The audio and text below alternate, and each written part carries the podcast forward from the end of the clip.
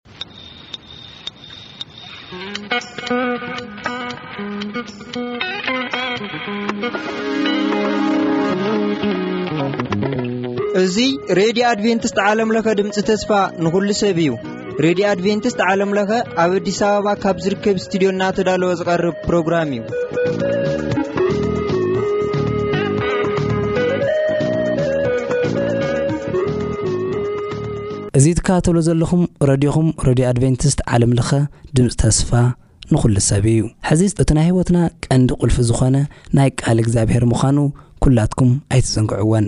እስቲ ብሓባር እነዳምጽ።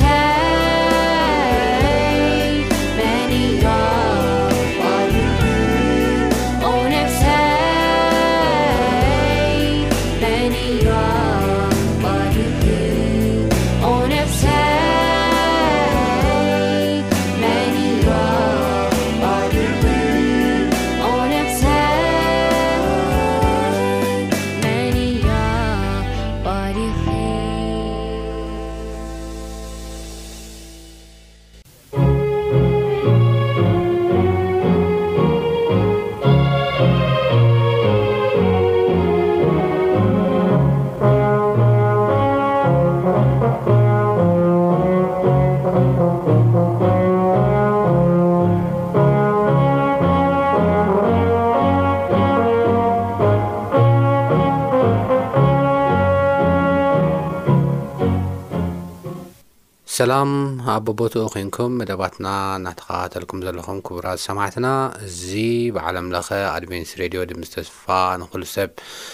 እናተዳለወ ዝቐርበልኩም መደብኩም መደብ ቃል ኣምላኽ እዩ ኣብ ናይ ሎሚ ድማ ንሪኦ ምጽንናዕ ኣምላኽ ዝብል ቅድሚ ኩሉ ግን እግዚኣብሔር ምእንቲ ከምህረና ክመርሓናን ሕጽር ዝበለ ጸሎት ክንጽሊ ኢና ኦ ጎይታ ስለዚ ግዜን ሰዓትን ነመስግነካ ኣለና ሕጂ ድማ ክቡር ዝኾነ ቃልካ ክተምህረና ክትመርሓና ኣስተውዒልና ድማ ምንባር ንኸሉ ጸጋ ክተብዝሓልና ንልምነካ ዝተረፈ ግዜናን ሰዓትናን ንስኻ ባርኮ ብጎይታናን መድሓናን የሱስ ክርስቶስ ስም ኣሜን ኣብዚ እንነብረሉ ዘለና ዓለም ብሓጢኣት ምኽንያት ሞት ኣትዩ። ብሞት ከኣ ሓዘንን ጓህን ብኽያትን ጫውጫውታን ኣትዩ። ኪንዮ'ዚ ኣብ መንጎ ሰባት ድማ ዘይምስምማዕን ዘይምቅዳውን ምጥፍፋእን ምቅትታልን መጺኡ። ኮታስ ናይዚ ኩሉ ድምር ኣብ ዓለም ከለኹም መከራ ኣለኩም ከም ዝተባህለ ወይ ድማ ክርስቶስ ከም ዝበለ በዚ ዓለም እዚ ክንነብር ከለና ብሓጢኣት ኣብ ዝተበከለት ዓለም ክንነብር ከለና መከራ ከም ዘለና ፈተና ከም ዘለና ሽግር ከም ዘሎ ጓይን ሓዘንን ሞትን ሕማምን ከም ዘሎ ነጊርና እዩ ማለት እዩ ነገር ግን በዚ ዓይነት መንገዲ ክንሓልፍ ከለና በዚ ዓይነት ፈተናታት ክንሓልፍ ከለና ግን እግዚኣብሄር ከምዚ ኢሉ ይዛረበና እዩ እንታይ ይብል ኣብ ኢሳያስ ምዕራፍ ሓምሳን ሓደን ፍቕዲ ዓሰርተ ክልተ ኣነ ኣነ እየ ዝጸናንዓኩም ንስኻ ካብ ዝመዋቲ ሰብ ካብዚ ከም ሰዓሪ ዝሓልፍ ወዲ ሰብ ስትፈርህሲ መን ኢኻ ይብል እግዚኣብሔር ክዛረብ ከሎ ኣነ ኣነ ዩ ዘጸናንዓኩም ይብል እግዚኣብሔር እዋ እቲ ዘጸናንዓና እቲ ደው ዘበለና እንደገና ህይወትና ክንቅጽል እግዚኣብሔር እንደገና ከነመስግን ክገብረና ዝኽእል እግዚኣብሔር ጥራሕ እዩ መፅሓፍ ቅዱስ ብዝተፈላለየ ፈተናታት ዝሓልፉ ዝነበሩ ሃዋርያት፣ ደቀ መዛሙርቲ ክርስቶስ፣ ብፍላይ ኣብቲ ግዜ እቲ ወንጌል ክርስቶስ ሰቢኽኩም ኢሎም ካብ ግዜ ናብ ግዜ ዝስደዱ ዝነበሩ፣ ዝቕተሉ ዝነበሩ፣ ንብረቶም ዝውረስ ዝነበረ ደቀ መዛሙርቲ ክርስቶስ፣ ዘጸናንዖም ዝነበረ ደው ዘብሎም ዝነበረ ጎይታ የሱስ ከም ዝኾነ ይዛረቡ እዮም። ጳውሎስ ንሰብ ቆሮንጦስ ክጽሕፍ ከሎ ኣብታ ካልኣይ መልእኽቱ ከምዚ ኢሉ ተዛሪቡ ነይሩ በቲ ንርእስና ካብ ኣምላኽ እንጸናንዓሉ ምጽንናዕ ነቶም ኣብ ጸበባ ዘለው ዘበሉ ዅላቶም ከነጸናንዕ ምእንቲ ኽከኣለናስ ብጸበባና ዘበለ ዘጸናንዓና ንሱ እዩ ይብል ብፀበባና ዘበለ ብፈተናና ዘበለ ዘፀናንዓና ንሱ እዩ እግዚኣብሄር እዩ ናይ እግዚኣብሄር ምፅንናዕ ዩ ከዓ ንዓና ምፅንናዕ ክፈጥረልና ዝኽእል ተፀናኒዕና ድማ ንካልእ ከነፀናንዕ ዘኽእለና ናይ እግዚኣብሄር ምፅንናዕ እዩ እሞ በዚ ምፅንናዕ እዚ ካብ እግዚኣብሄር ብዝረኽቦ ዝነበሩ ምፅንናዕ ንካልኦት እውን ከፀናንዑ ከምዝኸኣሉ ንካልኦት እውን ናይ ፈውሲ ምኽንያት ክኾኑ ከም ዝኸኣሉ ዛረበና። ጳውሎስን ሓቢሮም ምስኡ ዝሰርሑ ዝነበሩ ኣገልገልትን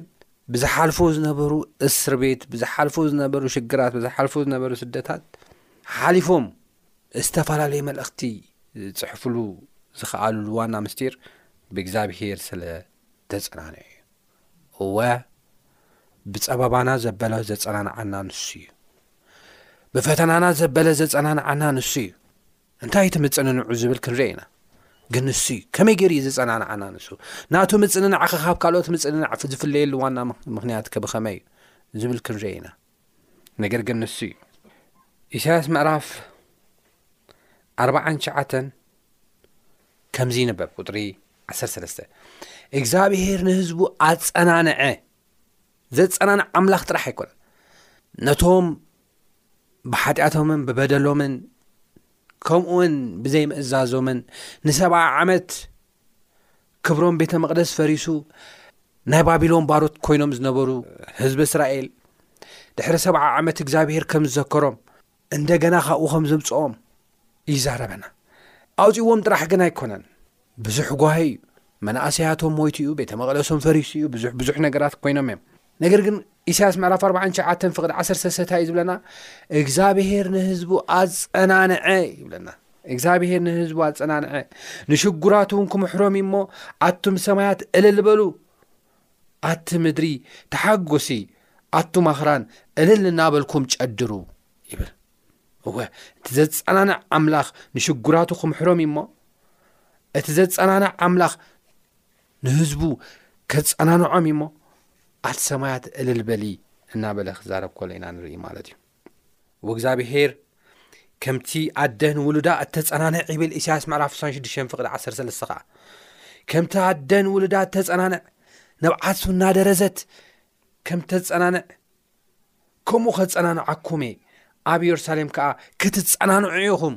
ከጸናንዓኩም እየ ኣብ የሩሳሌም ከዓ ክትጸናንዑ ኢኹም ክትብርትዑ ኢኹም ደው ክትብሉ ኢኹም ክብል ከሎ ኢና ንርኢ ከጸናንዓኩም እየ፣ ንስኻትኩም ከኣ ክትጸናንዑ ኢኹም ክብሎም ከሎ ኢና ንርኢ። እግዚኣብሔር ኣደ ንውሉዳ ከም ተጸናንዕ ኢንፋክት በቲ ንርድኦ ቋንቋ ክገልጽ ስለ ዝደለዩ ካብኡ ላዕሊ ናይ እግዚኣብሄር ምፅናና ካብኡ ላዕሊ ናይ እግዚኣብሄር ደስታ ከፀናንዓኩም እየ ንስኻትኩም ከዓ ግን ክትፀናንዑ ኢኹም ክብል ከሎ ኢና ንርኢ ካልኣይ ቆሮንጦስ ምዕራፍ ሸውዓተ ፍቕዲ ሽዱሽተ ከዓ እቲ ንጥቑዓት ዘጸናንዕ ኣምላኽ ግና ብምምጻእ ቲቶስ ገይሩ ኣጸናንዓና ዝተጠቕዐ ዝተገፍዐ ሰብ ዘጸናንዕ ኣምላኽ እዩ መልሹ ዝጠቅዕ መልሹ ገጹ ዘዝውር መልሹ ዝጎዳእ ኣምላኽ ኣይኮነ ንጥቑዓት ግን ዘጸናንዕ ኣምላኽ እዩ ግናኸ ንሱ ናፍቖትኩም ብኽያትኩምን ቅንኣትኩምን ምእንታይ ምስ ኣዘንተወልና፣ በቲ ንሱ ብኣኻትኩም እተጸናንዑ ምጽናዕ ደኣ እምበር፣ ብምምጽኡ ጥራይ ኣይኮንናን እተሓጐስና እናበለ ይገልጽ። ቲቶስ መጺኡ ነቶም ኣብ እስር ቤት ዝነበሩ፣ ነቶም ኣብ ሽግር ዝነበሩ ሰባት ብዝነገሮም ነገር ከም እተጸናንዑ ኢና ንርኢ። እዚ ኸኣ በቲ ንጥቑዓት ዘጸናንዕ ኣምላኽ እግዚኣብሄር ከም ዘጸናንዖም እዩ ዝዛረበና ማለት እዩ። ስለዚ ድማ ተጸናናዕና ይብል ጳውሎስ ክዛረብ ከሎ ኣብኡ ኣብቲ ካልኣይ ቆሮንቶስ ምዕራፍ ሸውዓተ ፍቕዲ ዓሰርተ ሰለስተ ስለዚ ድማ ተጸናናዕና ኣብ ርእሲ እዚ ምጽንናዕና ድማ ብሓጎስ ቲቶስ መንፈስ ብኹላትኩም ስለ ዝቐሰነ ብዙሕ ኣዚና ተሓጎስና ይብል ማለት እዩ እሞ ዘጸናንዓኩም ኣነ እግዚኣብሄር እየ ይብል እግዚኣብሄር ኣምላኽ ኣደ ንውሉዳ ከም ተጸናንዕ ዘጸናንዕ በዚ ጽንዓተይ ከኣ ንስኻትኩም ክትጸናንዑ ኢኹም ይብለና እግዚኣብሄር እወ እቲ ዘጸናንዕ እግዚኣብሄር ናብ እግዚኣብሄር ክንቀርብ ይግብኣና ድምፂ እግዚኣብሄር ክንሰምዕ ይግብኣና እቲ ዝምሕር እግዚኣብሄር ክንሰምዕ ይግብኣና ከምቲ ስቓይ ክርስቶስ ኣባና ዝዓዝዝ ዘሎ ከምኡ ድማ ብክርስቶስ ዝኾነልና ምጽንናዕ ይዓዝዝ እዩ በዓል ጳውሎስ ዝስደዱ ዝነበሩ ብሽግር ዝሓልፉ ዝነበሩ ክርስቶስ ብምእማኖም እዮም እቲ ወንጌል ድማ ብምትሕልላፎም እዮም ብምስባኾም እዮም እዚ ብምስባኾም ስቃይ ክርስቶስ ኣብ ሂወቶም ይበዝሕ ነይሩ እዩ ብዙሕ ስቃይ እዮም ዝረኽቡ ነሮም ብዙሕ ፈተና እዮም ዝረኽቡ ነይሮም ብዙሕ ስቃይ ብዝረኸብሉ መገዲ ከዓ እቲ ምፅንናዕ ኣምላኽ ድማ ብብዝሒ ይረኽቡ ከም ዝነበሩ እዩ ዛረበና ማለት እዩ ስለዚ ኣምላኽ ብኸመይ እዩ ዘጸናንዓና? የስ እቲ ዘጸናንዕ ጐይታ ንሱ እዩ፣ እቲ ዝምሕር ጐይታ ንሱ እዩ። ከመይ ገይሩ እዩ ዘጸናንዓና? ኣብ ናይ ሎሚ ናይ ቃል ግዜና ንሪኦ ሰለስተ ነጥብታት ዓበይቲ ነጥብታት ምርኣይ ክንዛዝሞ ኢና ናይ ሎማዓንቲ ቃልና ማለት እዩ እግዚኣብሔር ብኸመይ እዩ ዘፀናንዕ እቲ ቀዳማይ ብክርስቶስ የሱስ እዩ ትዋና ተቐዳማይን ትዋናን ብክርስቶስ የሱስ እዩ ትቑልፊ ኣብ ማቴዎስ ምዕራፍ 28 ካብ 18 ክሳብ 19 እንሆ ክሳብ ዓለም ፍፃሜ ምሳኻትኩም እየ ይብለና በይንኻ ይኮንካ እንተሓልፎ ዘለካ ትስቓይ ኣነ ውን ሓልፎ ኣለኹ እየ ግን ንኽብሪ እዩ ስለዚ እግዚኣብሔር ኣምላኽ ምሳና ብምዃን ዘፃናና ኣምላኽ እዩ ምሳና ብምዃን ዕረፍቲ ዝህብ ኣምላኽ እዩ ምሳና ብምዃን እንደገና እግዚኣብሔር ከነመስግን ዝገብር ኣምላኽ እዩ እወ እግዚኣብሔር ምሳኻይ ኢሳያስ ምዕራፍ 43 እውን ከምዚ ይብለና በይንኻ ኣይኮንካን ይብለና እግዚኣብሔር ይመስገን ምሳኻይ ሕጂ ግና ኣታ ያቆብ እቲ ዝፈጠረካ ኣታ እስራኤል ድማ እቲ ዝደኮነካ እግዚኣብሄር ከምዚ ይብል ተበጀካይ እሞ ኣይትፍራህ ምስምካ ጸዋዕኻ ንስኻ ናተይ ኢኻ ብማያት ምስ እትሓልፍ ምሳኻ ክኸውን እየ ብውሕዝ ምትሳገር ከኣ ኣይከጥሕለካን እዩ ብሓዊ ምስ እትኸይድ ኣይክትነድድን ኢኻ፣ ሃልሃልታውን ኣይክህምኸካን እዩ። ምሳኸ፣ ምሳኻ ኻብ ምዃነይ ዝተላዕለ፣ ዋላ ብሓዊ ሕለፍ፣ እቲ ሓዊ እኳ ኣታቋጸለካ፣ ነገር ግን ኣይክህምኸካን እዩ። ብማያት ተሓለፍካ፣ ማያት ብዙሕ እንተድከመካ እኳ፣ ነገር ግን ኣይከስጥመካን እዩ። ብውሕጅ ተሓለፍካ፣ እቲ ውሕጅ ንኽውስደካ ሓያል ግብግብ እኳ ምስቲ ውሕጅ ተገጠምካ፣ ነገር ግን ወሲዱ ኣየትርፈካን እዩ። እወ፣ ተበጅከ ንስኻ ናተይ ኢኻ ይብል እግዚኣብሄር። ኣብዚ ዘለዉ ቃላት ሕድሕድ ቃላት ክንሪኦም ከለና ወሰንቲ ቃላት ኣለዉ። እቲ ቀዳማይ እንታይ እዩ ዝብለና? እቲ ዝፈጠረካ ኣታ እስራኤል ድማ እቲ ዝደኮነካ እግዚኣብሄር ከምዚ ይብል ኣሎ ይብል። እግዚኣብሄር ብመልክዑን ከምስሉን ዝፈጠረና ጎይታ ከምዚ ይብል ኣሎ። ተበጀካይ እሞ ኣይትፍራህ ይብል። ናይ መጀመርያ ቃላት እዚኣ እያ። ክትንተና ዝደሊ ብእግዚኣብሔር ምብጃው ዝረኸብና ብክርስቶስ ደም እንደገና ምድሓን ዝረኸብና ብክርስቶስ ደም ጠፊእናሉ ካብ ዝነበርና ናይ ሓጢኣት ባሮት ኮይናሉ ካብ ዝነበርና ካብ ኣምላኽ ርሕቕናሉ ብዝነበርና ብክርስቶስ ደም ዝቐረብና ናይ እግዚኣብሄር እንደገና ዝኾና ብፍጥረት ናይ እግዚኣብሄር ኢና ብሓጢኣትና እኳ ንተረሓቕና እንደገና ከዓ ብክርስቶስ ደም ከዓ እንደገና ናይ እግዚኣብሄር ኢና ማለት እዩ ስለዚ ስቲልናው ናይ እግዚኣብሄር ውሉድ ኢና ናይ እግዚኣብሄር መልክዕ ኣምላኽ ዝተፈጥረና ፍጡራት ኣምላኽ ኢና እንደገና ዝተፈጠርና ፍጡራት ኣምላኽ ኢና ማለት እዩ ስለዚ ኣይ ትፍራህ ሓወይ ስኢነ ሓፍተይ ስኢነ ኣደይ ስኢነ ኣቦይ ስኢነ በይነየ ኢልካ ኣይ ትፍራህ እንታ ብዙሕ ነገር ክገጥመኒ ይኽእል እዩ ናይ ኢኮኖሚ ክራይስ ከመይ ገይረ ክነበር ይኽእል እየ ብዝብሉ ብዙሕ ዘጨንቑን ዝፍትኑን ነገራት ኣብ ቅድሜኻ ክህሉ ሰይጣን ከቕርበልካ ክእል እዩ ዘፍርሕ ነገራት ከጋጥመካ ክእል እዩ ነገር ግን ኣይትፍራህ ይብል እግዚኣብሔር ይመስገን ኣይትፍራህ ኣይትፍራህ ምክንያቱ ተበጀካየ ንስኻ ናይ እግዚኣብሄር ኢኻ ይብል መፅሓፍ ቅዱስ ክዛረበና ኸል ሰብ ምሳኻ ተኾነ ክገብረልካ ዝኽእል ነገራት ውሱን እዩ እቲ ዅሉ ዚኽእል ሰማይን ምድርን ደው ዘበለ እግዚኣብሄር ምሳኻ ኪኸውን ከሎ ግን፣ ምንም ዝሰኣኖ ነገር የለን። ጐደሎ ዝበሃል ነገር የለን። ክብሪ ንኣምላኽ ይኹን። ስለዚ ተበጀካ እሞ ኣይትፍራህ፣ እግዚኣብሄር ክሳዕ ዓለም ፍጻሜ ምሳኻ እየ ዝበለ ጐይታ ተበጀካ እሞ ኣይትፍራ ምሳኻያ ይብለና መፅሓፍ ቅዱስ ይቕፅል ብስምካ ፀዋዕኻ ንስኻ ናተይ ኢኻ ይብለና ብስምካ ፀዋዕኻ ንስኻ ናተይ ኢኻ እግዚኣብሔር ሕድሕድና ብስምና ዝፈልጠና ኣምላኽ እዩ ብክርስቶስ ደም ወዱ ዝተበጀወና ውሉዱ ፍጡራቱ ጥራሕ ደይኮናስ ሕድሕድና ብስምና ዝፈልጠና ኣምላኽ እዩ። ኣብ ዘለኻዮ ኮንካ ረድዮ ከፊትካ ትሰምዕ ዘለኻ፣ ኣብ ዘለኻዮ ኮንካ ብኢንተርነት ትሰምዕ ዘለኻ ረድዮና፣ ኣብ ዘለኻዮ ኮንካ ብዩቱብ ትሰምዕ ዘለኻ መደባትና፣ ጎይታ ሎሚ ብስምካ ጸዋዕኻ ይብለካ። ይፈልጠካየ፣ ብስምካ ፈልጠካየ፣ ብደንቢ እየ ዝፈልጠካ፣ ንስኻ ናተይ ኢኻ፣ ብደም ክርስቶስ ዝዓደኩኻ ፍጡረይ ኢኻ ይብል ጎይታ። ስለዚ ኣይትፍራ ባዶ ኮይነ እየ ሓወይ ሓፍተይ ስኢነ ኢልካ እንታይ ኣይትግበር ኣይትፍራ ይብለና ኣቦይ ኣደይ ስኢነ ኢልካ ኣይትፍራ ንስኻ ናተይ ኢኻ ይብለና ኣብ ቅድሚ እግዚኣብሄር ኣይፍለጥን የልካ ምናልባት ክትሓሰብ ትኽእል ትኸውን ኢኻ ነገር ግን እግዚኣብሄር ብስምካ እየ ዝፈልጠካ ዝፅዋዓካ እዩ ንስኻ ናተይ ኢኻ ፈልጠካየ ክብል ኮሎ ኢና ንርኢ እሱ ጥራሕ ኣይኮነን ብማያት ምስ ትሓልፍ ምሳኸየ ብውሒዝ ምስ ትሳግር ከዓ ምሳኸየ ብሓዊ ምስ እትኸይድ ኣይክትነድድን ኢኻ ሃልሃልታ እውን ኣይክህሙኸካን ይብለና ስለዚ ናይ መጀመርያ ነጥብና እግዚኣብሄር ምሳኻየ ይብለና። በዚ መንገዲ እዚ እዩ ዘጸናንዓና እግዚኣብሔር በዚ መንገዲ እዚ የጸናንዓና ማለት እዩ ኣብ ቀዳማይ ቆሮንቶስ ምዕራፍ 15 ከምኡውን ኣብ ቀዳማይ ተሰሎንቄን ምዕራፍ ኣርባዕተን ዘሎ ሓሳብ ብምልዓል እዩ እንታይ እዩ ዝብል ቀዳማይ ቆሮንቶስ ምዕራፍ 15 ከም ዝብል ሓሳብ ኣሎ ሞት እኳ ተሃለወ ነገር ግን ትንሳኤ እውን ኣለወ እዩ ይብለና ትንሳኤ እውን ኣሎ እዩ በዚ እውን የጸናንዓና እግዚኣብሄር ሞይትካ ኣይትተርፍን ኢኻ ጠፊእኻ ኣይትተርፍን ኢኻ ትንሳኤ ኣሎ እዩ ይብለና መፅሓፍ ቅዱስ ከድና ክንርኢ ከልና ግናኸ ይብል መፅሓፍ ቅዱስ ክዛረብ ከሎ ቀዳማይ ቆሮንቶስ ምዕራፍ 15 35 ሙታት ከመይ ኢሎም ከም ዝትንስኡ ብኸመይ ዝበለ ከስጋዮም ከምዝምፁ ዝብል ይህሉ ይኸውን ኢሉ ብደንቢ ብዛዕባ ትንሳኤ ሙታን ይዛረብ